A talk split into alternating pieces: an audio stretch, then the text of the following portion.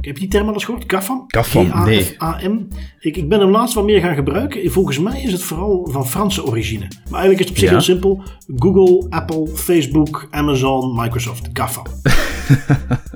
Oké, dat is wel clever. Dat is, dat, is nog wat, dat is nog wat specifieker dan Big Tech, wat dat wij meestal zeggen. Hè? Ja, toch? Ja, Kunnen we nog precies, meer gaan precies. Hallo en welkom bij een nieuwe aflevering van Das Privé, jouw wekelijkse privacy podcast. Iedere aflevering praten we hierbij over het reilen en zeilen in de wereld van privacy. Digitale spionage, boetes, datalekken, nieuwe technologie, privacy tools. Oftewel alles dat er gebeurt in een week in privacyland. Ik ben Bart van Buitenen en zoals altijd heb ik Tim van Haar erbij. En hebben wij weer het privacy nieuws voor jullie gecureerd en eruit gehaald wat er echt toe doet. Interessante headlines die deze week voorbij komen.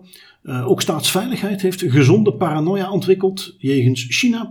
California gaat Do Not Sell afdwingen in browsers. En de Belgische ambassade in Turkije is bespied, kwam men achter.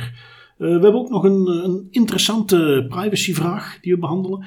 Ehm, Bart, naamgenoot uiteraard, die eh, heeft me een beetje een cheeky vraag gesteld. En we gaan eens proberen of we daar een zinnig antwoord op kunnen geven. Maar we vliegen erin met het nieuws. Ehm, staatsveiligheid, ja, bekend natuurlijk in eh, België de tegenhanger van de AIVD in Nederland, inlichtingendienst. En die heeft nu, eh, ik heb hem eh, uit KNAK gehaald, knak.be, maar is op meerdere plekken voorbij gekomen. En die heeft nu toch ook een waarschuwing uitgegeven. Die hebben ondertussen publiek geconcludeerd dat er toch wel heel erg veel inmenging is in de bedrijven die onze telefoons maken door de Chinese overheid. Eh, dat eh, de, de Chinese inlichtingenwet eh, ook verplicht aan Chinese bedrijven om mee te werken met inlichtingendiensten. En hier heb je de context van ja, als er een, een, een onderzoek is of er is terrorisme, dit of dat, dan kan staatsveiligheid ook aan de deur kloppen. Maar in China gaat het natuurlijk een stapje verder en is het gewoon heel simpel. Als de inlichtingendiensten komen kloppen, moet je gewoon meedoen. Uh, betekent bijvoorbeeld, een paar dingen die daar naar voren kwamen, die dan onderdeel zijn van die wet, is dat jij bijvoorbeeld in zo'n techbedrijf sowieso ervoor moet zorgen dat jij arbeidsplaatsen vrijhoudt voor uh, mensen van de inlichtingendienst. Dus dat je daar gewoon niet zomaar een, een contactpersoon of zo, maar er moet effectief iemand van die inlichtingendiensten geplaatst kunnen worden binnen die entiteit. En moeten ze sowieso ongebreidelde toegang tot de IT-systemen voorzien als de inlichtingendienst daarom vraagt. Uh, dus ja, dat, dat, gaat allemaal een stapje verder. Um, in het artikeltje kwam ook de Belgische woordvoerder van Oppo aan bod. Die aangaf dat ze volledig onafhankelijk zijn en een beetje een nothing to see here approach erop nahield. Um, wat ik wel leuk vond is dat ze, als ze de opzomming maakten, dat ze zeiden van ja, Huawei, dat is wat minder een issue tegenwoordig. Want vanwege de, de problemen die ze met Amerika hebben, mogen ze geen uh, Android meer gebruiken. Dus die zijn een beetje op een apart systeem gegaan. En kennelijk is dat aandeel langzaam aan het zakken. Maar uh, Xiaomi, uh, Oppo, OnePlus, allemaal toch relatief bekende Chinese bedrijven. Ik zie die telefoons ook heel veel voorbij komen. Ja, goed, daar zegt men dus heel simpel gezegd. Eigenlijk is dat een risico voor de staatsveiligheid. Mm. Dat is eigenlijk een, een principe. Uh, ja, nu komen we dat te weten, maar eigenlijk is dat een principe waar we in de toekomst zeker gaan moeten rekening mee houden. Het idee dat een privaat Chinees techbedrijf eigenlijk niet bestaat. En dat zeker van bepaalde groottes, die techbedrijven in China, dat daar sowieso politieke inmenging in zit. En dat er sowieso bepaalde zaken gaan zijn waar je gewoon als westers land bondgenoot of niet, dat is niet gewenst, dat wil je niet. Ook wel geweldig, die Belgische woordvoerder van Oppo, ik ben heel blij dat die gast zijn job nog kan doen, want ja, uh, ik denk niet dat hij de, waarheid kan zeggen, maar nothing to see, ik denk ook niet dat het zo simpel is om het zo te stellen. Nou ja, ik denk dat hij de waarheid vertelt zoals hij hem kent. Uh, ik denk niet dat hij vanuit China het hoofdkantoor te horen krijgt van, uh, luister eens, ze hebben helemaal gelijk. Ja, niks aan te doen, maar dat mag je niet zeggen. Dus gelieve eventjes er een spin aan te geven, nee. Die, die heeft gewoon de company line, net zoals dat Huawei, die ook in allerlei campagnes uh, voert. Die blijven gewoon allemaal stug naar buiten toe volhouden. Wij zijn een onafhankelijk commercieel bedrijf. Um, wat ik daar meteen aan denk als ik dat ook zo voorbij zie komen, is hoe daar nog een hele grote uitdaging ligt. Dat zie ik vaker voorbij komen voor heel Europa. Dat de hele backbone van onze telecominfrastructuur eigenlijk al bijna gebouwd is op die Huawei en, en soortgenoten technologieën. Dus als men daar echt serieus in is, dan, gaat dat nog een flinke investering en, en ommezwaaien vergen ook om puur al die hardware te gaan vervangen. Ja, klopt. Dat is, uh, dat is een vraag die al vaak gesteld is toen inderdaad uh, naar boven kwam dat Huawei, dat, dat die ook gegevens doorspeelde naar China. Dat men dan ook de vraag kreeg, ja, waarom gaan we niet naar een andere provider? En dat antwoord simpelweg was, er is niemand die dat op deze schaal aan deze kostprijs kan voorzien. En dan wordt het moeilijk, zeker voor overheden. En is natuurlijk ook niet zo vreemd, want als je ziet, ook daar zit weer dat strategisch plan achter. Als je die bedrijven maar genoeg subsidieert, dan kunnen die inderdaad kwaliteit maken aan een prijs dat niemand in Europa dat kan. Uh, ik bedoel, het is niet voor niks dat al die bedrijven ook massaal naar China gaan om daar hun dingen te laten produceren. Um, dus ja, interessant uh, om dat ook wat, wat op te volgen. Of daar, ja, of dat iets concreters gaat worden. Hè? Eh, of men daar. Want je ziet toch, dat is, in, in de politiek gaat dat stapje voor stapje. Maar wij volgen dat ondertussen al een tijdje op. En je ziet heel langzaam maar zeker gaat dat van, goh, ja, China, ach, hm, China eens opletten, naar, hmm, dat is toch niet zo goed, naar oh, uh, sancties, naar uitspraken van de commissie en de Europese lidstaten van China, foei. Uh, en nu dan staatsveiligheid die zegt van ja, die Chinese toestellen moeten ook mee uitkijken. En ja, dat gaat langzaam, schuift dat op. Totdat dat denk ik op een punt komt dat daar inderdaad, in Amerika is dat op sommige niveaus al, dat, dat er gewoon een, een decreet komt van oké, dat soort dingen mogen we niet meer gebruiken. Ga het maar langzaam uit je netwerk slopen, want het risico is te groot. En ja, goed, dat is iets wat... Um, een beetje aansluit op uh, het volgende wat jij hebt meegenomen, Tim. Als we kijken naar uh, het toekennen van een cyberaanval. Um, waar de, de, recente aanleiding, als ik me niet vergis, ook een, een, actie was vanuit een, een Chinese, uh, ja, zoals dat zo mooi heet, APT. is zo'n naam voor de term Advanced Persistent Threat. Oftewel een, een groep, vaak gelieerd aan een staat die uh, aanvallen doet uh, tegen andere staten, digitaal. Uh, nu goed, je hebt daar een artikeltje bij gepakt van onderzoek van ANSI, de, de Franse entiteit, Ars Technica, over het toekennen van dat soort aanvallen. Wat, wat, was daarover te vertellen? Ja, ANSI, het Franse Nationaal Agentschap voor de Beveiliging van Informatiesystemen, behandelt momenteel een grote inbraakcampagne die gevolgen heeft voor tal van Franse entiteiten. die aanvallen zijn nog steeds gaande momenteel en worden geleid door APT-31 uh, Chinese staatshackersgroepering. En uit onderzoek blijkt dat de aanvallers een netwerk van gecompromitteerde thuisroutes gebruiken als operationeel relayboxen om heimelijke verkenning en aanvallen uit te voeren. Dus je moet het eigenlijk voorstellen, je krijgt zo als slachtoffer aanvallen te zien vanuit onder andere Rusland, Egypte, Turkije en Marokko, waar dat die gecompromitteerde toestellen zitten. Terwijl eigenlijk de daders Chinese staatshackers zijn die daar misbruik van maken door u te misleiden. Nu, hoe kan men dan weten dat dat toch Chinese staatshackers zijn? Wel, ANSI kijkt volgens een eigen adviesdocument vooral naar de modus operandi van de aanvaller. En dat past in het plaatje van voorgaande APT-31 aanvallen. Maar de vraag eerst, is dat genoeg? Want puur kijken naar hoe dat iemand zich gedraagt in een cyberspace is niet altijd voldoende. Het Amerikaanse Office of the Director of National Intelligence, een adviesorgaan voor de intelligence community in Amerika, publiceerde daar een gids over. Uh, waarin dat ze de modus operandi aanduiden als de belangrijkste indicator om een aanval te attribueren, maar wel met een interessante disclaimer dat vanaf dat, het, dat er informatie over de aanvallers en de APT-groep publiek wordt gemaakt, het wel erg gemakkelijk wordt om die te gaan nabootsen en het dus een pak lastiger wordt om het accuraat te gaan attribueren. En dat, dat vind ik altijd zo interessant als men het heeft over attributie bij een cyberaanval. 100% zekerheid is zeer lastig om te bereiken.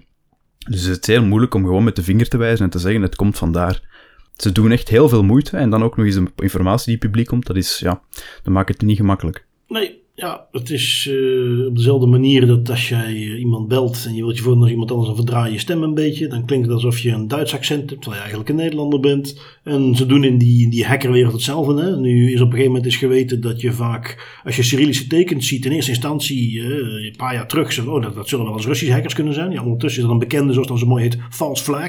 Waarin een, Chinese hacker misschien gaat zeggen, weet je wat, laat ik eens eventjes een kenmerk van een Cyrillisch toetsenbord in mijn code zetten, want dan lijkt het alsof ik een Rus ben. En uh, inderdaad, in die zin een interessante opmerking. Hè, van het, feit dat wij niet bekendmaken hoe wij uh, dat kunnen achterhalen. Hoe wij die attributie kunnen doen. Zorgt er meteen voor dat het weer minder betrouwbaar is om het op die manier te gaan doen. En, en daar zit een interessante catch-22 in. Want dan zou je dus zeggen van ja, het toekennen van aanvallen. Als je dat gaat zeggen, dit was China. Ja, dan moet je zeggen hoe je dat weet. Maar doordat je zegt hoe je dat weet ga je het de volgende keer weer niet kunnen toekennen. Dus, dan, dan, ja, dus of je kent het toe, maar je kunt niet zeggen hoe je het weet. En dan is het meteen minder geloofwaardig. Of je zegt hoe je het weet. En vervolgens loop je tegenaan dat als je het de volgende keer doet. Andere hackergroeperingen uit andere staten dat kunnen gaan kopiëren. Dus ja, uh, interessant. Zeer lastig, hè? want inderdaad, informatie uitwisselen tussen verschillende cybersecurity communities is een van de beste manieren nog altijd om die groeperingen te gaan identificeren en te gaan attribueren aan bepaalde natiestaten, als het staatshackers zijn. Maar dat zorgt er automatisch ook voor dat die informatie publieker komt en dat meer mensen dat te weten komen. Ja, dat maakt het hele verhaal zo lastig. Daarom dat ik het... En dat is ook gevaarlijk als je dan bijvoorbeeld kijkt naar... Ik denk dat het deze week was dat Biden nog met een, met een uitspraak kwam dat hij ransomware aanvallen ging zien als acts of war. Dat er potentieel ook represailles zouden kunnen zijn voor de daders. Maar als je natuurlijk de verkeerde attribueert, dan ontketen je potentieel een hele slechte... Ja, een, een hele slechte daad, hè. Ja, ja, dus wie weet waar dat heen mondt. Hè. Je zult misschien Ja. ook zien dat, eh, dat op het punt komt dat zo'n Biden gewoon zegt tegen Rusland van kijk, het interesseert me niet of het klopt of niet. Als die aanvallen vanuit Rusland komen, dan ga ik ervan uit dat jullie schuld is. Dus ja, wil je dat voorkomen? Hou ze maar tegen. Misschien dat het daarin Ja. gaat. Good luck, Poetin. Ehm, om een beetje in de, in de te blijven. Ehm, het lijkt alsof er daar toch een beetje een, een, campagne aan de gang is. Ehm, want we hebben weer een Israëlisch bedrijf dat eh, hacking doet. Nu is het eh, een bedrijfje dat de Paragon heet. Ik heb van de Forbes website heb ik dat geplukt. Ehm, ja, goed, de, usual. Alleen deze Paragon heeft dan als specialiteit dat ze zich kunnen richten op eh, Signal, WhatsApp uitwisselingen. En dat ze die ja, binnen zouden kunnen dringen. Ik moet het nog zien hoor. Want eh, bij eerdere eh, organisaties, denk zo'n Celebrite, ook Israëli's, heeft dat ook eens beweerd. En dan bedoelen ze eigenlijk gewoon, we kunnen toegang krijgen door de telefoon. En ja, als daar dan van die berichten op opgeslagen zitten, dan kunnen we eraan. Dat ze de encryptie gebroken hebben, dat geloof ik niet. In ieder geval, die haalt weer het nieuws. Ehm, nadat natuurlijk eh, NSO het nieuws heeft gehaald met een lijst van 50.000. Nadat Kandiru de pers heeft gehaald met dat ze weer een hackingbedrijf zijn wat mogelijk misbruikt wordt. Ehm, dat sluit netjes aan op een ander nieuwsstukje wat ik mee wilde nemen. Waar men nog wat verder gaat over de NSO Group. Hè. Dus dat, dat, andere Israëlisch bedrijf wat nu het nieuws haalde met een, een lijst van ogenschijnlijk 50.000 namen, personen die getarget waren door de software van de NSO Group. Eh, goed, ja, zij zeggen van ja, wij maken die software, wij verkopen dat nooit aan onderdrukkende regimes, maar eh, ja, we hebben verder geen verantwoordelijkheid over hoe of wat. En ja, goed, dat, dat verhaaltje blijft zich ontwikkelen. Nu hebben we een, artikeltje waarin een aantal vrouwen, eh, journalisten, activisten in onderdrukkende regimes getuigen over hoe ze slachtoffer zijn geworden van die malware gemaakt door zo'n bedrijf, ingezet door die regimes. Eh, deze werden, goed, eh, is dan met die software is hun telefoon gehackt. Is vervolgens zijn hun foto's binnengehaald en zijn daar allerlei compromitterende foto's dan bijgehaald.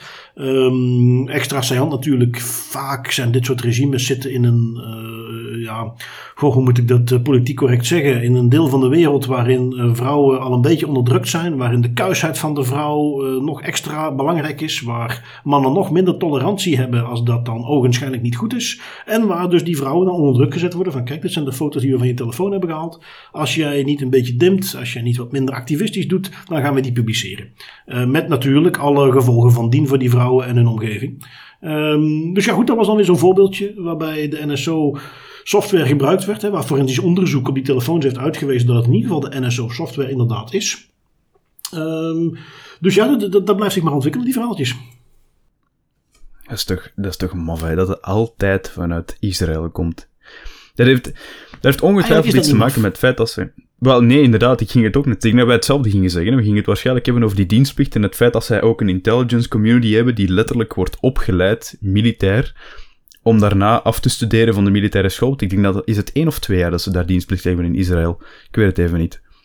Oef, dat weet ik ook niet. eh, maar ik weet Wel, dat eh. Unit 8200, hè, Unit 8200, is, is, is een hele bekende entiteit vanuit Israël. Als je een beetje, ik bedoel, ik ben absoluut geen expert, maar als je een beetje je inleest in die kringen, dan komen die heel vaak voorbij. En, Mhm. en, en dat is niet toevallig. Hè, dat, ik denk dat dat ook echt gestimuleerd wordt. Eh, dat op het moment dat je je dienstplicht erop zit en je hebt in die unit gezeten, die inlichtingendienst, eh, dat jij gestimuleerd wordt om daar dan een, met een bedrijfje, om daar de dingen die je daar geleerd hebt verder te gaan ontwikkelen.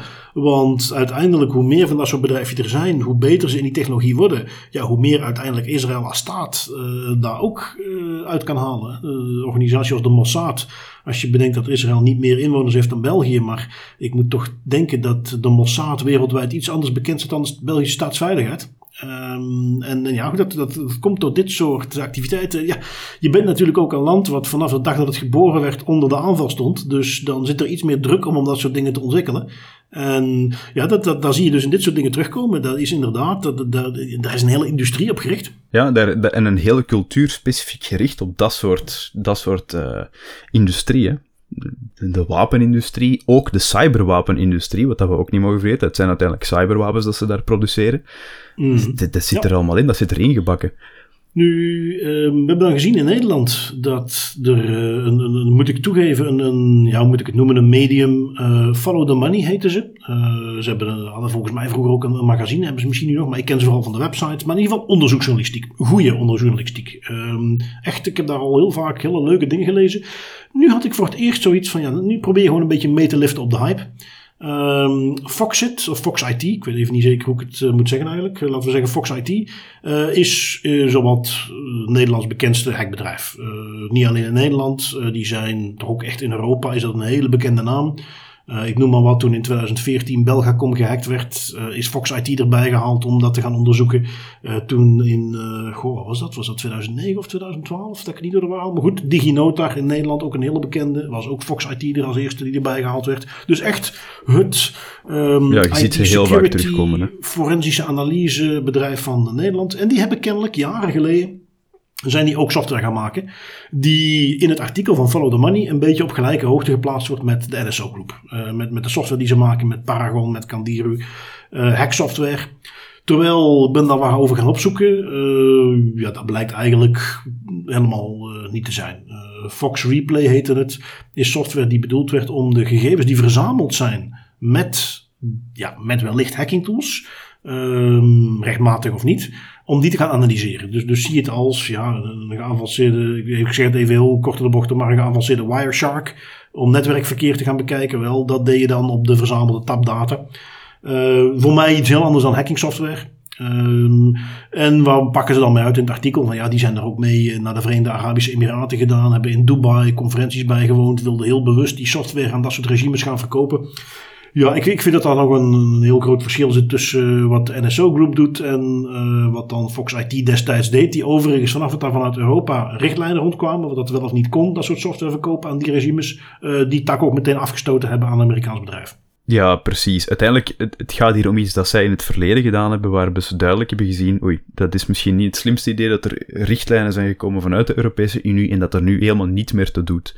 Dus dan, ja, dan snap ik wel het gevoel dat het hier waarschijnlijk wat meer op de NSO-kar springen is, omdat, ja, Pegasus, de naam van de tool die ontwikkeld werd door de NSO-groep, het was overal te zien in de, in de media. Dus dan is dat even easy clicks. Maar wel jammer natuurlijk, want ja, dat is niet hetzelfde. Hè. Dit is, dat is geen cyberwapen dat je, dat je maakt. Nee, nee, nee, nee, nee, vond ik ook niet. Uh, dus dat ja, inderdaad, gevalletje van even meespringen op de hype train.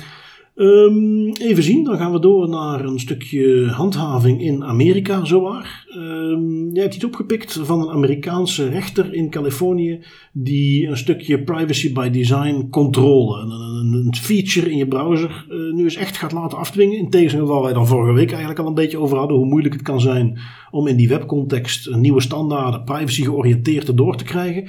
Uh, overlopen eens even kort wat er, wat er gebeurd is. Ja, ik denk dat het zelfs twee weken terug was. Ik weet het niet zo goed niet meer. Maar uh, al sinds een tijdje terug hadden we het nog over hoe moeizaam het eigenlijk kan zijn om privacy-standaarden voor het web op globale schaal te respecteren. Onder andere omdat er een gebrek is aan handhaving en duidelijke regelgeving die die standaarden kracht moet geven. Je kan nog tien standaarden gaan maken om de privacy van de gebruiker te bevorderen, maar als niemand die standaard gaat opnemen omdat het niet moet of omdat het niet wordt gehandhaafd, ja, dan, dan zit je daar met je tien standaarden.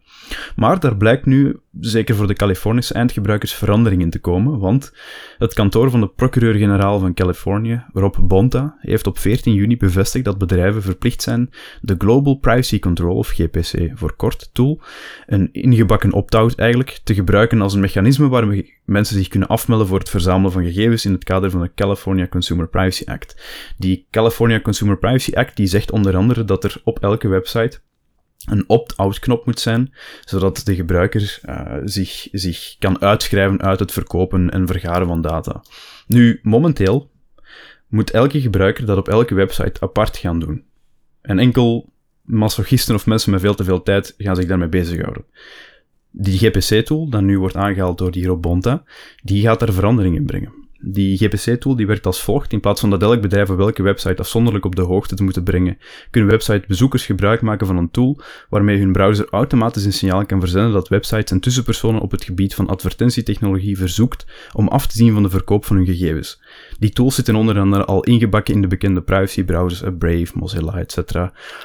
Nu, het respecteren van de Global Privacy Standaard, eh, Global Privacy Control Standaard, wordt zo dus een wettelijke verplichting voor bedrijven die Californische gebruikers willen bereiken. Maar er is wel één caveat. Enkel het naleven van de GPC wordt verplicht, niet het inbouwen van de tool in de browser zelf. En dat maakt het natuurlijk wel iets minder krachtig. Hè. De, de Chromes en de Safari's die trekken zich voorlopig nog niks van aan. En zo blijft de scope voorlopig nog beperkt. Nu, de next step, hoop ik, als het even door een roze bril kijken in de toekomst, dat is natuurlijk de adoptie van privacy by design controls, zoals die GPC, uh, en de verplichting daarvan, zodat ook Chrome en Safari dat in hun browser gaan steken. Want momenteel, als het signaal verzonden wordt naar een website, moeten ze het naleven, maar erin voorzien dat er een signaal verzonden kan worden, is momenteel nog niet verplicht. En uh, moet ik me dat dan voorstellen als iets zoals een beetje de do not track die we kennen, die optie die al in veel browsers bestond? Ja, in essentie het broertje van de Do Not Track. Dus de, je, dat is een knop in je browser, je zet die aan. Je browser, van het moment dat, dat, dat die functie aanstaat, verzendt gewoon een signaal naar elke website. Hey, GPC is on, do not track, do not sell data. En dan zijn ze verplicht om daar gehoor aan te geven. Het is wel weer heel erg Amerikaans, hè? Opt-out. Ja, verschrikkelijk. Hè. Ze moeten zo, door zoveel hoepels springen. Eerst is het, ja, je moet op elke website apart gaan opt-outen. Nu is het, ja, we gaan een, een controle inbouwen in de browser dat je dat voor iedereen kan doen. Maar waarom niet gewoon een opt-in? Want dit is gewoon, ja, dit is gewoon mensen door te veel hoepels laten springen voor uiteindelijk iets dat niemand wilt. Ja, en uh, dit is dan ook nog eens in Californië specifiek, dus ook weer geheel ja, naar uh, Amerikaanse gewoonte is het dan uh, staat specifiek. En kennelijk dus, als ik jou goed begrepen heb, niet verplicht om het in de browser te gaan voorzien. Dus ik ben benieuwd wanneer we dat in Chrome van Google bijvoorbeeld mogen verwachten. Nooit, tenzij dat het wettelijk verplicht wordt en ze het ook effectief gaan handhaven, dat kan ik nu wel zeggen.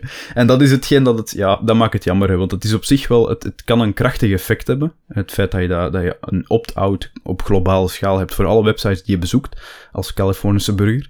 Maar ja, dan moet je nog altijd zorgen dat die mensen een Firefox of een Brave browser gaan gebruiken. En dat, dat blijft een fractie van de bevolking. Nu goed, uh, laten we zeggen, ook in Amerika moet het ergens starten. Um, ja, dat is waar. Wat je dan ook wel eens hoopt, is dat al dat nieuws wat voorbij komt van de laatste privacy schending van een van de grote jongens, Big Tech of GAFAM. Heb je die term al eens gehoord? GAFAM? GAFAM, nee. A-M. Ik, ik ben hem nee. laatst wat meer gaan gebruiken. Volgens mij is het vooral van Franse origine. Maar eigenlijk is het op zich ja? heel simpel. Google, Apple, Facebook, Amazon, Microsoft, GAFAM. Oké, okay, dat is wel clever. Dus dat, dat, is, dat, is, nog wel, dat is nog specifieker dan Big Tech, wat dat wij meestal zeggen. Hè? Ja, toch? Ja, Kunnen we nog meer gaan viseren. Dus um, ja, die halen continu nieuws. En dan zou je denken, of ja, goed, wat dat betreft Apple soms toch iets minder zou ik zeggen. Maar in ieder geval uh, genoeg privacy uh, schendingen om uh, uit te delen. Facebook met kop uh, aan kop, uh, ja, met, met stip bovenaan zou ik zeggen. Um, dat uit zich ook in uh, een daling in het aantal gebruikers. Um, ze publiceren uiteraard daar statistieken. ze noemen dat dan hun monthly active users. Hè, waarbij ze dus zeggen het aantal mensen die minimaal één keer per maand inlogt en actief is op, op Facebook. nog iets anders dan wat, wat soms ook veel gebruikt wordt in die sector, de daily active user. Hè, dus veel minder actief is dit duidelijkerwijs. Maar goed, als iemand één keer per maand nog actief is op Facebook, dan tellen ze hem dus hier in dit getal mee. En er is een daling in Europa. Jazeker, al die privacy schandalen die elkaar opvolgen, hebben geleid tot een daling van het aantal gebruikers. En wel met 3 miljoen. Um, klinkt niet slecht, uh, tot je het natuurlijk even afzet tegen het totaal aantal gebruikers in Europa. Dan hebben we het over 420 miljoen. Uh, betekent dus dat er 0,7% daling is. Um, nog niet uh, soort daling waar ik denk dat Zuckerberg het angstzweet van uitbreekt. Maar ja, moet ergens beginnen zeker? Ja, laten we hopen dat dit uh, het begin is van een gigantische sneeuwbal die maar groter en groter wordt elk jaar. Nu, wat dat ik wel, ik, ik, dat is een beetje de, de limiet helaas van dit medium. Hè. Het is enkel audio, maar wat ik hier voor mij zie in een graph, is eigenlijk iets heel confronterend. Want wat ik hier zie is dat Europa en uh, de Verenigde Staten en Canada tezamen zelfs niet de grootste afzetmarkt zijn van Facebook. Dat is Azië en de Pacific. En dan mag er nog 3 miljoen of 6 miljoen of 10 miljoen man van Europa weggaan uit Facebook. Die lijn van uh, Azië en de Pacific region, die blijft maar stijgen. En dat is zeer confronterend, want wij vergeten dat misschien vaak, maar wij zijn niet het, center, het middelpunt van de aarde. Europa en het Westen. wij durven soms zeggen nee, van wel. Waar misschien vanuit Facebook daar nog wel een focus in zit. Want het gaat natuurlijk om gebruikers. Waarbij ik denk als men gaat kijken naar de budgetten die in advertising omgaan. Wat natuurlijk gewoon uh, hetgeen is waar Facebook zijn geld mee verdient. Dat nog wel echt het grote deel van uh, Europa en de Verenigde Staten zal komen. Maar om, om ze even concreet te benoemen als interessant. Dus je ziet dat uh, ze hebben het al opgedeeld in het grafieken waar wij voor ons hebben. De Verenigde Staten en Canada. Dat is stabiel. Dat is in vergelijking met vorig jaar, half jaar geleden, is er nog maar 1 miljoen users bijgekomen, maar dus niet gekrompen. Dan heb je dus Europa, uh, waar men uiteindelijk dus nu in vergelijking met het vorige kwartaal 3 miljoen is kwijtgeraakt. Um, maar kijk dan dus even naar Asia Pacific. We hebben het over 1,265 miljard uh, gebruikers. Um, die hebben er 35 miljoen bij gekregen. Um, dus dan is dat stukje verlies uit Europa, ja, dat is al meteen ja, uh, op drie maanden van de stijging die er elders bij kwam. um, dan heb je nog, uh, ja, wat ze dan de rest van de wereld noemen, waar er dus ook al 11 miljoen bij kwamen het laatste kwartaal. Dus even heel snel gerekend, uh, stellen we vast dat er toch nog 40 miljoen zijn bijgekomen. Um, en dan in Europa 3 miljoen zijn vertrokken. Dus opnieuw, Facebook zal er niet wakker van liggen. Um, wat de totale telling, toch ook wel interessant om daar even bij stil te staan. Bijna, op een 100 miljoentje na, 3 miljard unieke gebruikers per maand uh, maken gebruik van Facebook. Goed, uh, hou daar even in gedachten dat we misschien een, een, kleine 500 miljoen moeten toewijzen aan bots en, en fake accounts die voor alles en nog wat gebruikt worden dat vind ik toch nog steeds uh, zeer indrukwekkende aantallen. Uh, als je bedenkt dat dat nog geen uh, 20 jaar geleden bestond niet. Nee, dat is, dat is. En ik denk ook dat dat gewoon komt omdat de Facebook is niet meer gewoon een social media, een social media platform. Ja. Facebook is ook een marktplaats waar je tweedehands dingen kunt verkopen. Facebook is zelfs een datingplatform geworden. Ik wist dat zelfs niet, maar Facebook dating is effectief een ding. Dat is alles oh. geworden. Ja, dat is ja, effectief ja, een ding. Facebook uh, dating. Dat doet mij denken aan uh, wat ik, uh, ik, Je weet dat ik... Ik weet niet meer of vorige week of de week ervoor was, maar dat boek An Ugly Truth over Facebook right, aan het lezen. En daar halen ze dus ook aan dat er delen van de wereld zijn. Had ik elders ook al wel eens gelezen, maar daar kwam het nog eens voorbij. Halen ze dus aan dat er delen van de wereld zijn waarbij voor die mensen Facebook het internet is. Want bij hun telefoon kwam een abonnement wat gesubsidieerd is. En waarbij Facebook geen beperking heeft en dus gewoon gebruikt kan worden. En die, die weten niet beter dan dat alles wat ik nu op die smartphone doe, wat smart is. Ja, dat is via Facebook. Dus Facebook is het internet. Die, die, die kennen het internet niet, dat is allemaal Facebook. En ja, dat is toch ook wel. En dat is dan vooral in die Asia-Pacific regio komt dat het meeste ja. voor. Waar dus nu, zoals we nu gezien hebben, wel het gros van de gebruikers zitten. Kun je je dat voorstellen? Het internet is Facebook. Dat is echt een, akel, dat is een akelige gedachte dat uh, Facebook het internet is en dat er niks anders is dan op Facebook. Dat is een nachtmerrie om in wakker te worden. Maar het is ja, effectief ja. inderdaad wel zo. En, en um, ik vind dat vooral gevaarlijk ook, want als er één bedrijf is dat alles gaat samenvoegen, dan kunnen zij ook beslissen hoe dat mensen gaan denken. We hebben het al gezien. Dat is een van de redenen waarom dat privacy zo belangrijk is. Dat is niet alles van jou weten en u ook niet kunnen sturen. Dat klinkt misschien soms een beetje wakko en zet uw zilveren, uw papieren hoedje maar op, maar ja, het is effectief wel een realiteit. We hebben al gezien in de realiteit dat Facebook soms bepaalde zaken gaat sturen bij mensen. Ja, ja, ja Zeker als dat dan mensen zijn die, die de Facebook zien als de single source of truth, omdat er geen andere bronnen zijn. Precies dat. En ja, dan, uh, ja, ja, dan zie je maar weer uh, eigenlijk uh, indrukwekkend om te zien hoe zo'n bedrijf in, in nog geen twintig jaar um, amper 15 eigenlijk, uh, dat zo opgebouwd heeft. De kracht en de grote bedreiging van die digitalisering wat we daarmee hebben.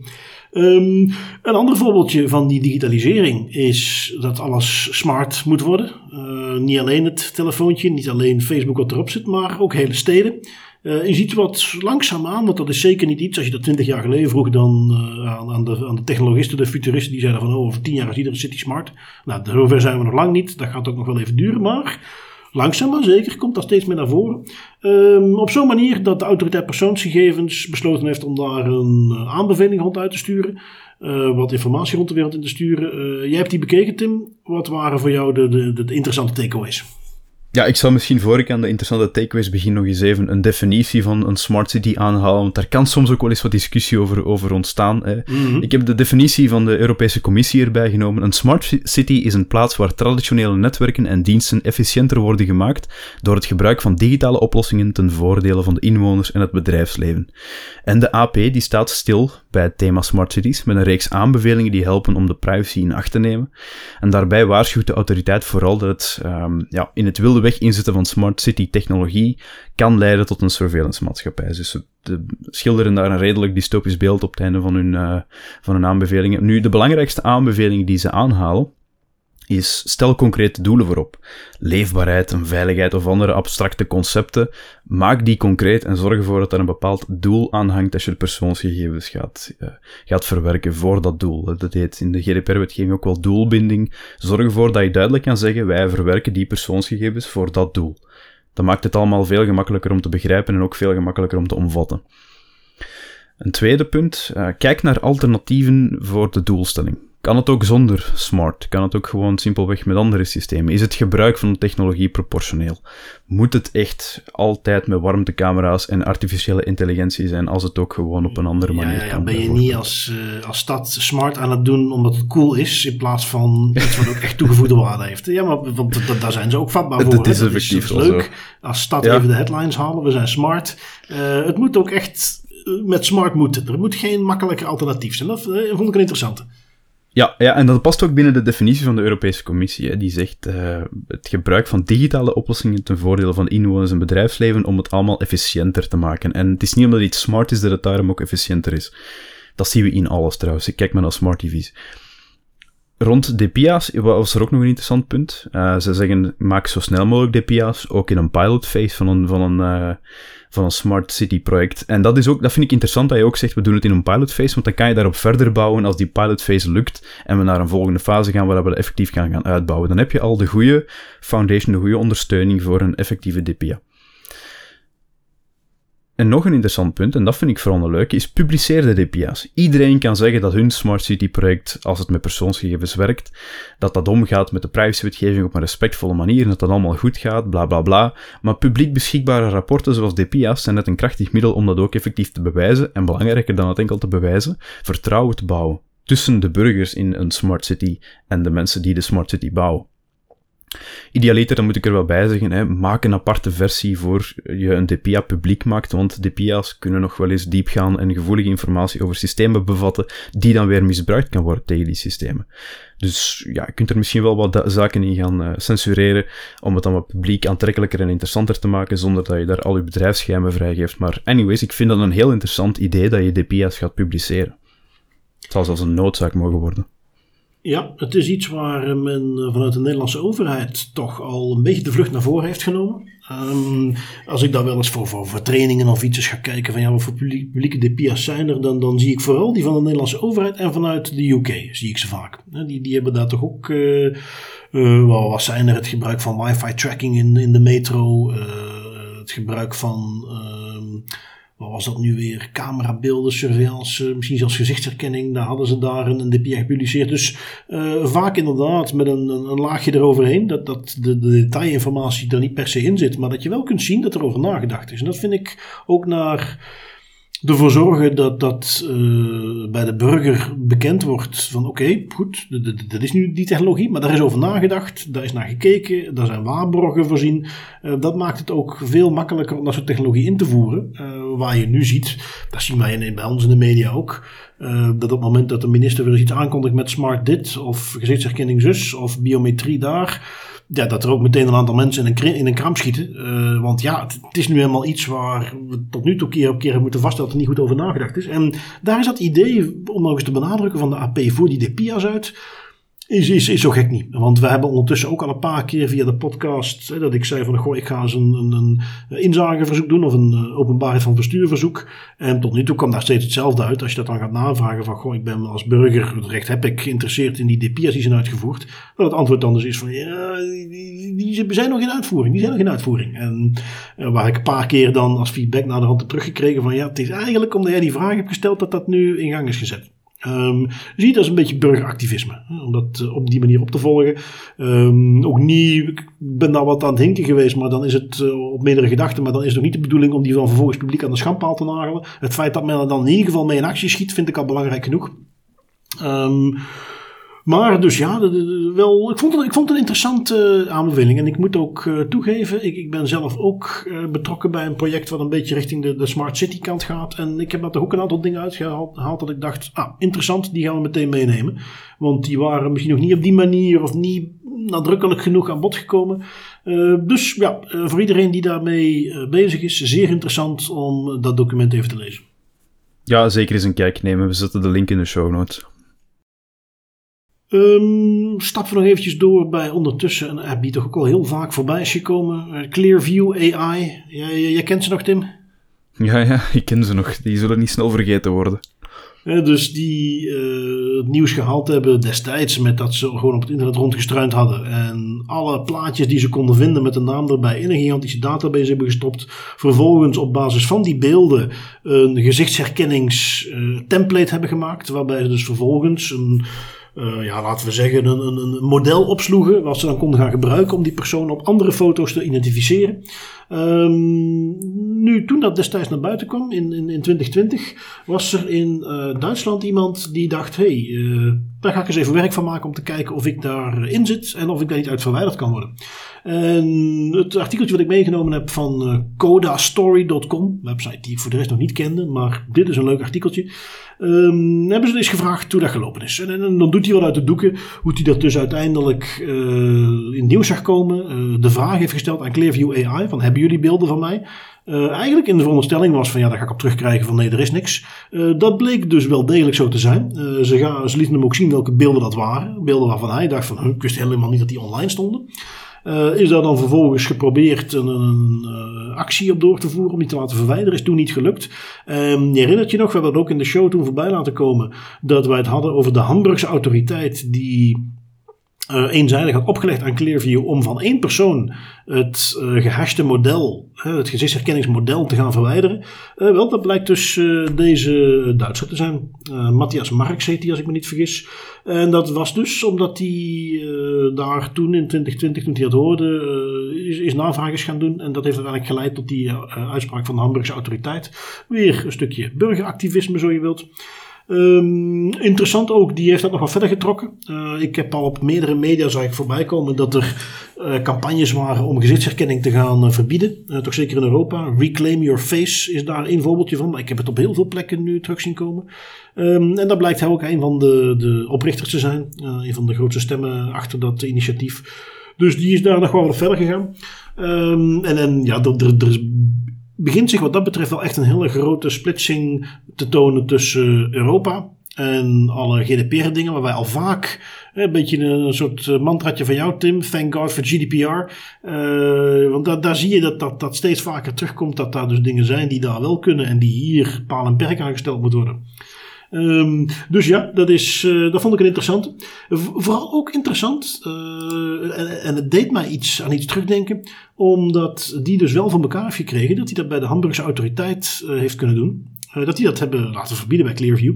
en toen, toen dacht ik eens terug van, goh, heb ik zelf ook niet een tijdje geleden zoiets gehad met een Amerikaans bedrijf? En um, toen sprong mij daar weer te binnen. Ik heb ook de communicatie destijds met de privacycommissie toen nog erbij gehaald. 2016 was dat.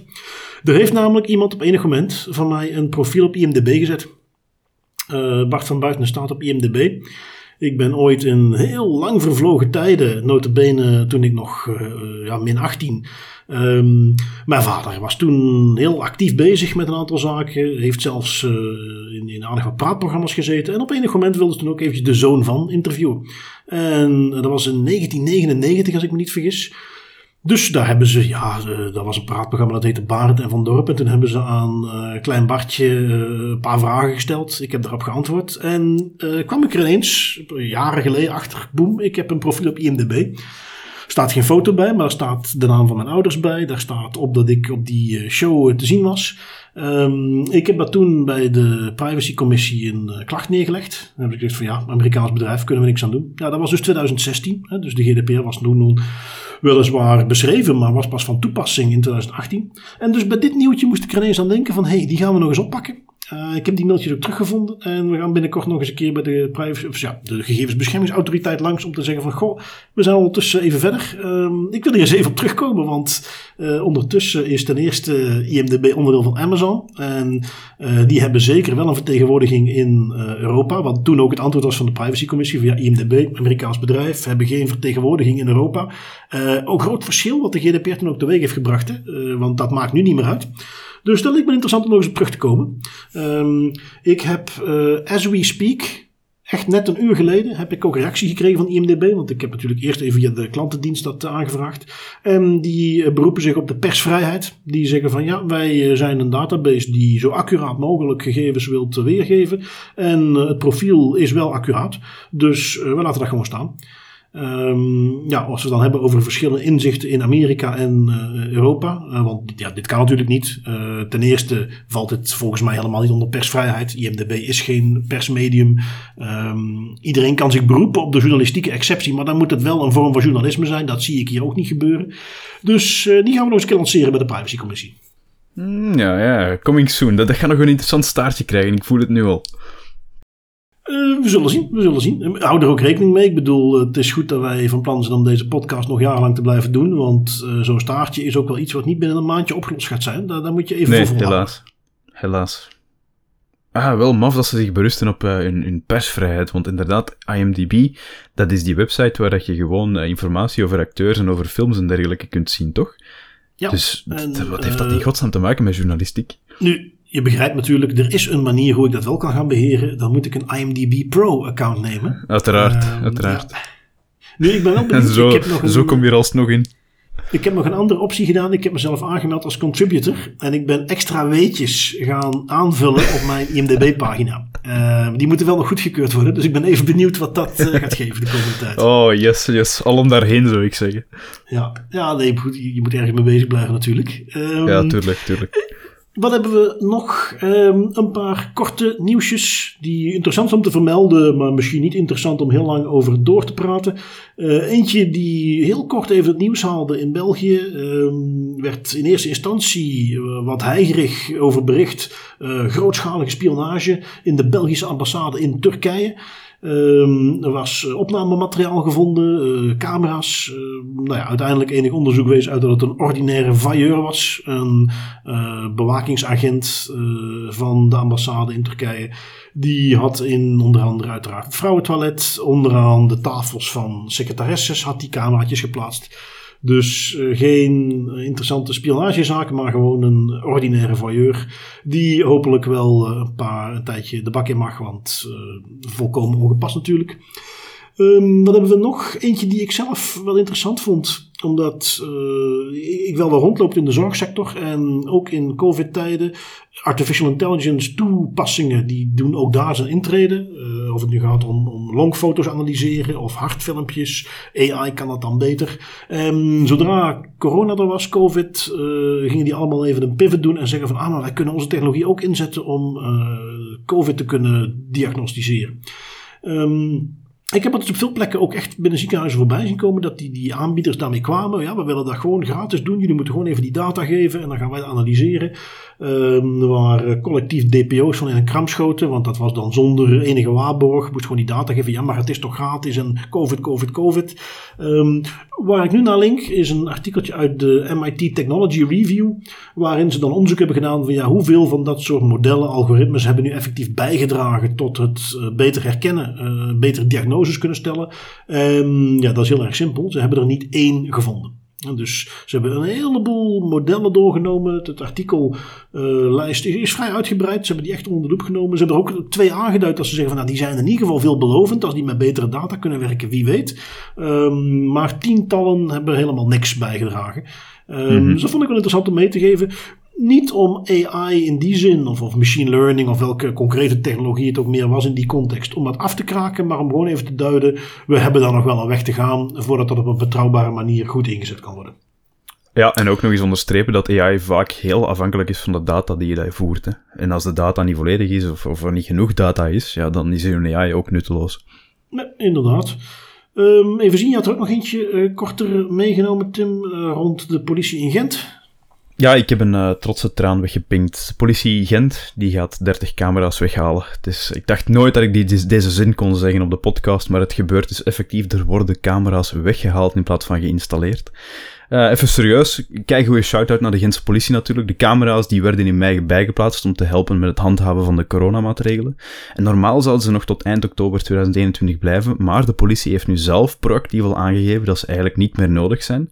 En tegen 1 september zijn alle extra coronacamera's, zoals ze zo mooi heten, weg prachtig voorbeeld van even proactief nadenken. Kijk, hebben we ze nog nodig? Nee, het is niet meer proportioneel. Oké, get them out.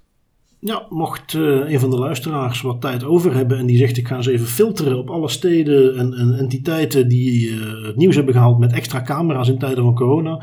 En dan vervolgens even gaan opvolgen hoeveel van die steden die camera's ook weer weghalen.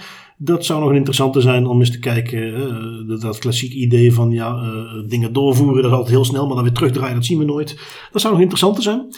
Um, in de context van korte nieuwsjes heb ik er nog eentje van Zoom. Die heeft ook met corona natuurlijk ontzettende ontploffing. Zoom als uh, videoconferencing tool gebruiksvriendelijk. Uh, werd dus heel populair. Maar kwam meteen, werd ook het doelwit van onderzoekers. En kwam naar voren dat dat eigenlijk op een heleboel plekken onveilig was. Um, of het nu ging over het feit dat ze beweerden dat alles end-to-end encrypted was, terwijl het eigenlijk niet het geval was. Of dat ze data doorstuurden naar Facebook uh, via API's en trackers die ingebouwd waren. Of dat het ging over dat Zoom-bombing, hè, waarbij het heel makkelijk werd om met een man of 40, 50 ineens een meeting binnen te komen. Uh, in ieder geval een heleboel dingen die toen speelden. Uh, zoals het Amerika betaamt werd er natuurlijk een claim voor ingediend. Want daar waren heel veel mensen, hadden daar toch heel veel schade aan ondervonden. En die is nu geschikt. Uh, eh, 85 miljoen gaat de Zoom betalen. Wat uh, volgens het artikeltje in uh, Bloomberg neerkwam op 25 dollar per betalende Zoom gebruiker. en 15 dollar op het moment dat jij geen betalende aanbod had. Dus ja, goed, uh, per gebruiker misschien niet het meest schokkende. Um, ik denk ook in Amerikaanse contexten dat ze er hier misschien nog genadig van afkomen. Um, wat hebben we dan nog als kort nieuwsberichtje? Google. We hebben het al lang genoeg gehad over Apple die zijn privacy labels heeft in de App Store. Google komt daar nu ook mee. Ietsjes later, in april 2022, moet dat uitgerold zijn, moet iedere app dat doen. Um, ja, goed. Dus uh, een jaartje te laat op het feestje van Apple. Maar in ieder geval, zij gaan het nu ook doen. Hebben toch gemerkt vanuit gebruikers en, en, de maatschappij, de verwachtingen, dat ze dat niet meer uit konden laten. Um, zeker op Android denk ik dat dat nog aanzienlijk schokkender gaan zijn dan wat we op Apple gezien hebben. Daar gaan we het nog wel eens over kunnen hebben in de podcast, denk ik. En ik vind het ook wel leuk van, allee, daarom vind ik dat zo leuk dat Apple nu wat de privacy voorvechter wilt zijn. Of het nu echt zo is of niet, daar kunnen we nog over gaan discussiëren. Maar al sinds doen ze wel dingen, maar ze doen wel dingen die ervoor zorgen dat de concurrentie, die ook in die big tech cirkel zitten, het ook moeten gaan doen. En dat vind ik leuk. Ze dwingen hen. Ja, inderdaad. Dus uh, wat dat betreft waar misschien wel eens gezegd wordt dat ze het nu op technologievlak een beetje de kat uit de boom kijken soms. De, de, de, de vouwbare telefoon is bij Apple nog niet aangekondigd, waar Samsung er kaart voor gaat. Uh, maar op privacygebied hebben ze dan wel toch die voorvechtersrol weer wat meer op zich genomen. Dan zijn we toe aan datalekken. We hebben twee mooie. Um, ik heb een gouden oude, namelijk raadpleging in een patiëntendossier in een ziekenhuis. Um, het, uh, even kijken, was het nu het Bravis ziekenhuis? Ja, inderdaad, het Bravis ziekenhuis. Daar waren zes mensen betrapt op het onterecht raadplegen van een uh, dossier van een patiënt die in het ziekenhuis was gekomen om te sterven. Um, waar kwam, hoe kwamen ze erachter? Uh, want Bravis, misschien even het geheugen opfrissen. We hebben het uh, tijden geleden in de podcast ook al eens gehad over een, een datalek bij datzelfde ziekenhuis. Waar de nieuwe partner van een man die in het ziekenhuis werkte, gegevens ging opzoeken over de ex-vrouw. Uh, die gegevens ook echt gebruikt werden om een boek te schrijven. Uh, waar vervolgens die ex-vrouw dat dan volgens de rechtbank, hè, niet omdat het in het ziekenhuis gevonden werd, heeft laten verbieden. En men zo erachter kwam dat hij in het ziekenhuis was uh, geraadpleegd. Um, dat ziekenhuis heeft dus wel wat maatregelen genomen nu. En die zijn wekelijkse steekproeven gaan doen. Die zijn dat nu echt wat hardnekkig gaan handhaven. En hebben dus aan de hand van die wekelijkse steekproeven achterhaald dat er dit soort onterechte raadplegingen waren. Wat ik nog wel uh, erg slecht vond eigenlijk, uh, is dat die personen gewoon een berisping hebben gehad. Eh, en uh, that's it. waar in andere context, ik weet ook zelf bij een aantal ziekenhuizen in Vlaanderen waar ik zit, op het moment dat ze zoiets vaststellen, is het gewoon ontslagpunt. Ja, dat zou de basis moeten zijn. Een berisping is hier, dat is hier niks. Je, schendt alle rechten dat die mensen hebben en alle privacy eh, van de levenssfeer. Dat is verschrikkelijk. Dus een, een berisping is hier heel zwak. Al sinds hebben wel al hun lesje geleerd natuurlijk met de logging en met de steekproeven. Dus dat is al alleszins positief. Maar ja, daar volg ik wel volledig in. Dat is, dat is gewoon weak. Ja, ja, en, en, en we, we zeggen dat vaak ook in ons werk, dat uh, je moet niet meteen beginnen met handhaven, je moet niet meteen beginnen met controleren, maar uh, dit was een ziekenhuis wat er al mee te maken had gehad, wat daar ook de pers mee heeft gehaald, waar ze zelf maatregelen hebben genomen. En dan hoor je het extra te weten, als ze dan toch nog zes mensen de nood voelen om dat te gaan raadplegen, ja, dan denk ik dat je ook intern in de organisatie eigenlijk een signaal af zou moeten geven. Maar goed. Ja, um, het is dat. En ook uh, gewoon, dit, dit is iets, het raadplegen van een patiëntendossier als dat niet je eigen patiëntendossier is, moet je daar niks gaan zoeken. Dat is iets heel simpel, dat is niet iets heel complex, dat is gewoon gezond boerenverstand en een beetje een moreel kompas hebben. Als dat al niet goed zit in een zorginstelling, dan denk ik wel dat je daar niet thuis hoort. Nou, dat, is, dat zijn eh, krachtige uitspraken. Uh, in ieder geval vind ik inderdaad dat een eh, strengere sanctie hier zeker niet had bestaan. Um, in de context van datalek hebben we er ook nog eentje meegenomen uit Estland. Of om precies te zijn, jij hebt hem meegenomen van, hoe yes. kan het ook anders, security.nl. Die mocht natuurlijk niet ontbreken in een aflevering. Uiteraard, hofleverancier van Das Privé. Twee weken geleden zijn pasfoto's uit de identiteitsdocument-database van de Estse overheid gestolen. De daders maakten gebruik van een kwetsbaarheid in een foto-uitwisselingsdienst van de Estse overheid om foto's van mensen te downloaden. Door die kwetsbaarheid was het mogelijk om met een naam en identificatienummer de pasfoto van die persoon te downloaden. Zowel naam als identificatienummer zijn eigenlijk openbare data in Estland, dat wist ik ook niet. Um, die in verschillende openbare databanken te vinden zijn. Dus iemand heeft die kwetsbaarheid gevonden en heeft zich daar dan ver mee geamuseerd door bijna 300.000 pasfoto's te gaan downloaden. Nu, wat ik daar ook wel cool aan vind, is de Estse politie, die, ja, die heeft meteen actie ondernomen en die hield op 23 juli een verdachte aan. En de pasfoto's zijn teruggevonden op de computer van die verdachte. Dus dat is ook wel interessant. De pasfoto's zijn teruggevonden. Ze hebben ook gezegd, wel, we hebben geen indicatie dat die pasfoto's verspreid zijn of op een, een of andere manier gebruikt. We weten niet wat er daarmee van plan was. Dus dat was ook nog een beetje mijn vraag. Uh, en ik had er niet meteen een antwoord op. Wat is het einddoel van pasfoto's downloaden? Waarom zou je dat stelen? Heb jij een idee? Goh, uh, ja, dat blijft natuurlijk een beetje gokken. Maar als we eventjes wat uiterste opzoeken. Uh, misschien was het iemand die gewoon de technische uitdaging leuk vond. Die daar niet eens iets slechts mee in, in, gedachten had. Maar die gewoon een kwetsbaarheid zag en dat wilde uit, uh, uitbuiten. Dat is iets wat je natuurlijk ook in de hacker community vaak ziet. Um, als we iets verder nadenken, ja, dan kun je natuurlijk ook gaan kijken naar meer de context van een Clearview AI-achtige omgevingen. waarbij jij met die pasfoto's Wellicht ook van een heleboel mensen die niet ergens online staan. Dus je kunt dat verrijken. Uh, wellicht dat daar ook een markt voor is op het dark web om het te verkopen. En eventjes aan de andere kant van het spectrum. Uh, misschien was het een zeer wanhopig individu die op basis van die foto's hoopte om interessante potentiële partners eruit te pikken. En die dan vervolgens met hun naam en nummer terug te kunnen vinden om ze eens uit te nodigen op Tinder. Ik weet het niet, maar dat zijn zo wat dingen waar ik aan denk. Ja, ja, oké. Cool. En goed, uh, een mens moet bezig blijven. Dus ja, dat was kennelijk waar deze persoon zich mee bezig hield. Wie weet komt er nog een volgje, dat we weten waar het om ging. Nu um, springen we door naar de autoriteiten. You will respect my authority! Ik denk dat mm -hmm. we mhm. twee leuke hebben. Um, de leukste met enige afstand natuurlijk uh, was al een tijdje geleden aangekondigd in Luxemburg. Maar dat moest nog overlegd worden met de andere Europese autoriteiten. Uh, in, in kader van het consistentiemechanisme, zoals ze het noemen. Zorgen dat we niet op eigen houtje de cowboy uit gaan hangen. Maar dat we dat afstemmen met alle andere Europese autoriteiten. Zodat we een beetje een standpunt in kunnen nemen wat overal hetzelfde is. Heeft men gedaan. De boete voor Amazon heeft nu het licht gezien. En dat is een mooie 750 miljoen euro.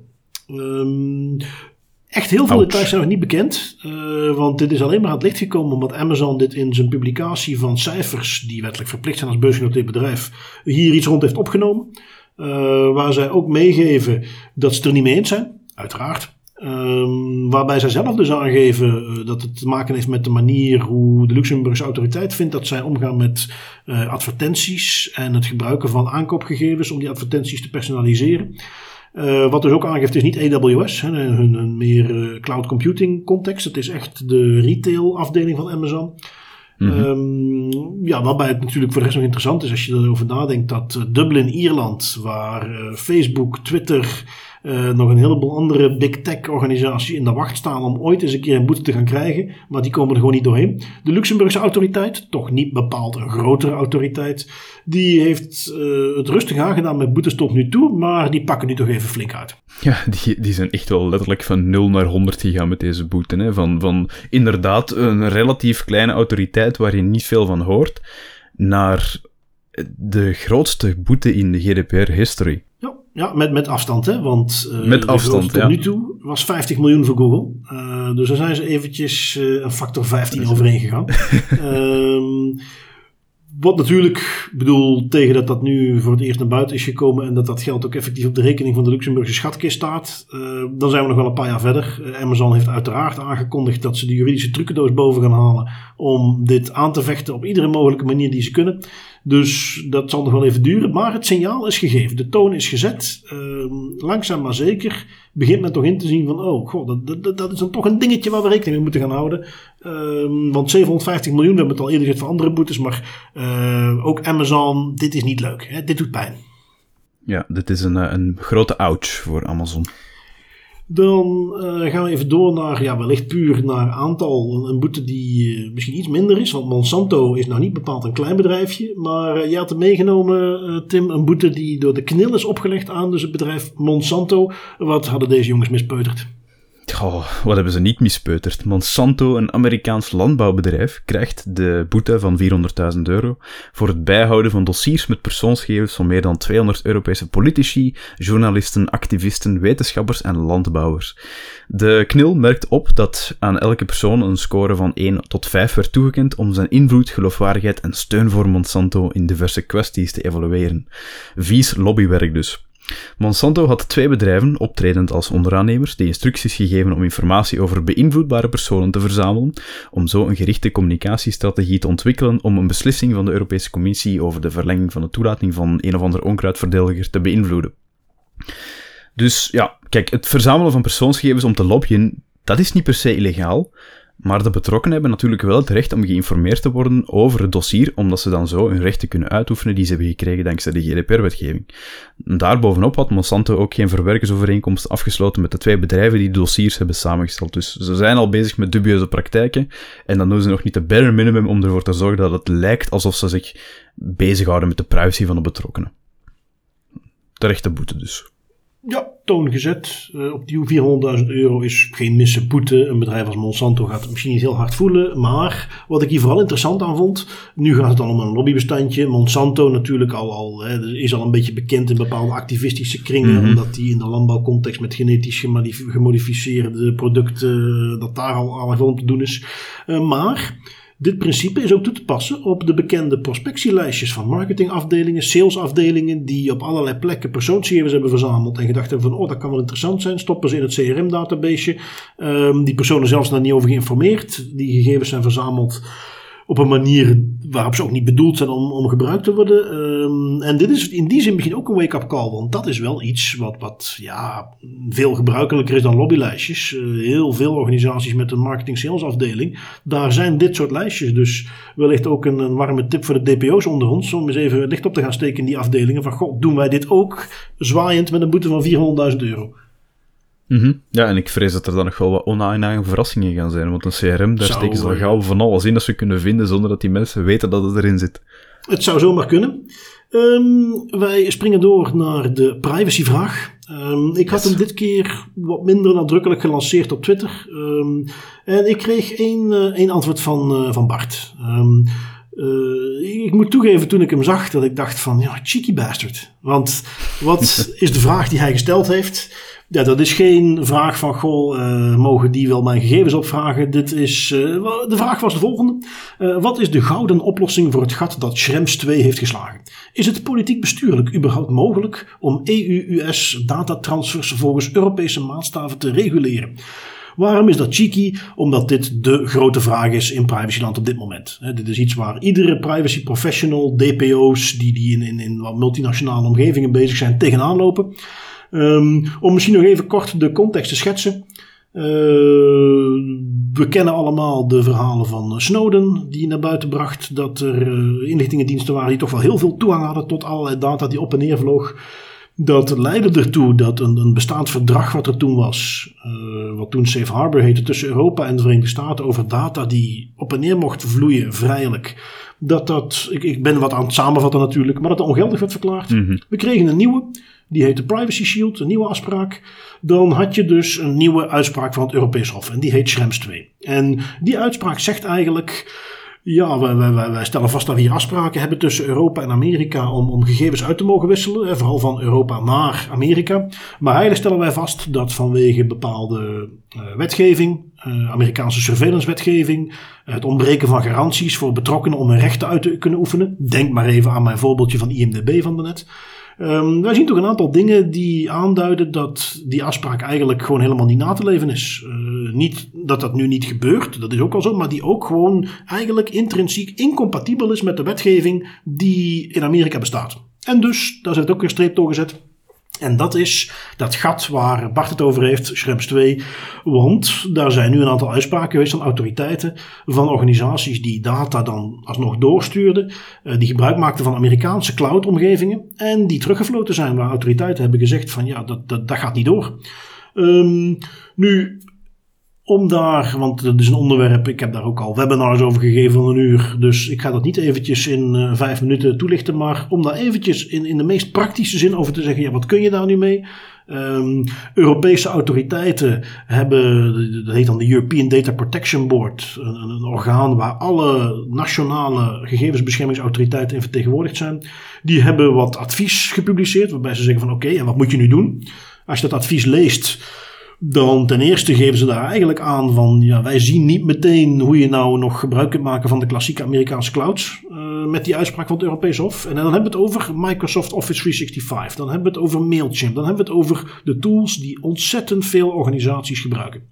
Um, om dan wat samen te vatten van ja, wat moeten we daar nu mee? Uh, wat is de gouden oplossing? Wel Bart, de gouden oplossing, zoals wellicht jij ook weet, dat is een Amerikaanse wetgeving aanpast. Dat wij een mooi adequaatheidsbesluit kunnen hebben vanuit Europa, waarbij Europa zegt Amerikaanse wetgeving is top en dat die data gewoon netjes op en neer kan. Nou, dat is een utopie. Uh, als die ooit komt, dan zijn we misschien vijf à tien jaar verder. Um, tot die tijd wordt er wel eens gekeken, ja, kunnen we niet op korte termijn een, een, een, overdracht maken tussen Europa en de Verenigde Staten, dat we in ieder geval elkaar niet meer gaan bespioneren, dat we dat gewoon afspreken en dat we die grootste bezwaren in die uitspraak van het Europees Hof, dat we die op die manier wegnemen. Um, nu goed, dat is allemaal een beetje toekomstmuziek. Hoe ga ik daar op dit moment mee om als privacy professional? Als ik bij klanten zit die daar vragen over hebben, dan kijk ik toch vooral een beetje naar een, wat praktische insteek. En uh, naar een insteek waarbij we zeggen, ja, we moeten ook een beetje kijken naar wat het echte risico is. Uh, natuurlijk is dit reëel. Het Europees Hof heeft dat niet zomaar beslist. Inlichtingendiensten hebben toegang. Alleen als ik Mailchimp gebruik. En ik zou dat gebruiken op een manier, Mailchimp, nieuwsbrieven versturen, waarbij ik eventjes een lijst upload op Mailchimp waar e-mailadressen in zitten, naam, voornaam. En dat gebruik ik om een mailing te doen. En vervolgens haal ik die lijst weer van Mailchimp af. Nou, daar moeten we niet overdrijven. Daar zit geen risico voor de betrokkenen. Als je dat op die manier doet, vind ik dat je, dat, dat je gewoon gebruik kunt blijven maken van zo'n dienst. Um, Valt theoretisch Mailchimp onder het toepassingsgebied van die wetgeving in Amerika? Absoluut. En dan kunnen ze die data opvragen en dan hebben ze e-mailadressen en naam en voornaam. Die kunnen ze Mhm. elders ook wel vinden. En dan zeg ik dus, dat risico is niet groot genoeg. En dat is wat ik simpel gezegd nu overal doe. We doen een analyse van, oké, waar hebben we het hier over? Wat voor soort gegevens zijn dit? Uh, hoe lang staan die daar? Op welke manier worden die doorgestuurd? Uh, zijn die op een bepaalde manier beveiligd? We, maken een lijstje met dingen waarbij we zeggen, dit zijn de maatregelen die we genomen hebben. Um, simpel standpunt, op het moment dat daar gevoelige gegevens, medische gegevens, uh, dingen die strafrechtelijk zijn, daar heb ik ook nog steeds een groot probleem mee. Alles daaronder kom ik heel vaak tot de conclusie van, goed, gelet op de aard van de gegevens die we hier doorsturen, maatregelen die we nemen om het er niet te lang te laten staan, om die gegevens te verwijderen, om te zorgen dat echt alleen maar het minimaal nodige heen gestuurd wordt. Um, met, met dat soort uh, insteek eromheen kun je dat soort tools gewoon blijven gebruiken. En dat is heel simpel gezegd het antwoord. Dus de ideale oplossing, ik heb hem benoemd, die gaan we voorlopig nog niet zien. De praktische oplossing is daar realistisch naar kijken. Uh, uh, kijken naar wat voor soort gegevens sturen we naar Amerikaanse clouds. Hoe lang blijven die daar? Uh, op wat voor manier wordt die gebruikt? En op basis daarvan te gaan kijken, is hier nu echt een mogelijk risico? En opnieuw, op het moment dat jij een ziekenhuis bent die zegt, wij zetten al onze patiëntengegevens bij een Amerikaanse provider neer, waarbij we weten dat de NSC het allemaal binnenhaakt, dat vind ik een reëel risico voor Europese burgers. Uh, maar gaat het om naam, uh, misschien zelfs adres en e-mailadres, dan denk ik dat we niet moeten overdrijven. En dat je met een aantal simpele mm -hmm. maatregelen gewoon gebruik kunt blijven maken van die diensten. En dat, uh, Bart, hopelijk is dat een beetje voldoende antwoord op, jou, op jouw vraag. Maar dat is hoe we daar denk ik nu even naar moeten kijken. Yes. Ja, en ook gewoon nog puur voor de vorm om mee te geven. Hè. De, de manier, de tool die je vaak gebruikt om zo'n risicoanalyse te doen, dat heet wel eens een Transfer Impact Analysis. En daarmee, dat, is, dat maakt het ook wat gemakkelijker om dat op te zoeken. En stel dat je wilt weten van hoe werkt dat nu en hoe kan ik dat nu het best gaan doen. Een paar modeldocument misschien dat ergens online zwiert, een TIA. Ja. En mochten er nu privacy professionals zijn die dit horen en zeggen van kijk, ik wil daar graag wat meer over weten. Uh, geef me eens wat informatie. Uh, stuur me eens een linkje naar die webinar. Uh, laat het even weten in Twitter, e-mail, wat je wilt. Dat willen we natuurlijk altijd delen. Um, goed, Tim, dan kijken we nog even naar onze privacy tools. wat heb jij meegenomen deze keer?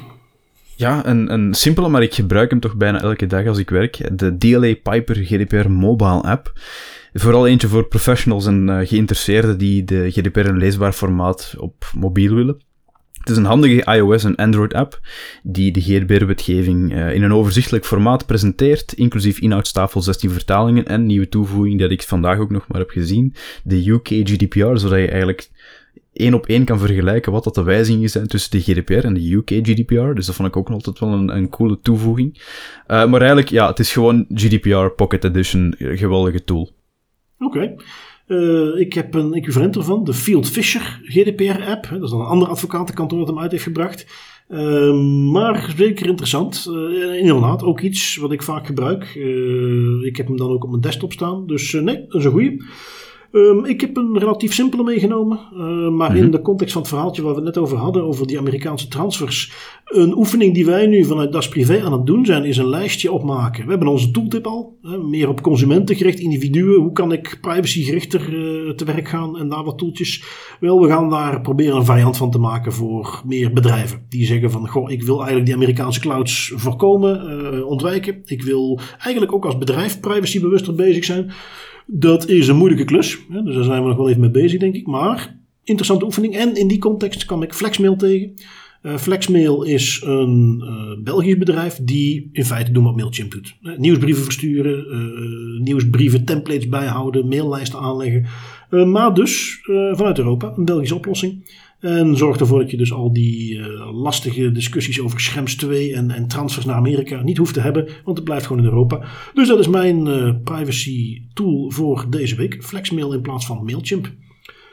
Wel, uh, als zeg ik het zelf, Tim, we hebben een hele hoop nieuws erin gepakt en we zijn er weer een keer doorheen. Um, ik bedank jou weer voor je tijd en ik bedank onze luisteraars om weer meer dan een uur naar jou en mij te luisteren, Tim. Zoals altijd, met heel veel plezier. Tot volgende week. Bye bye, tot volgende week.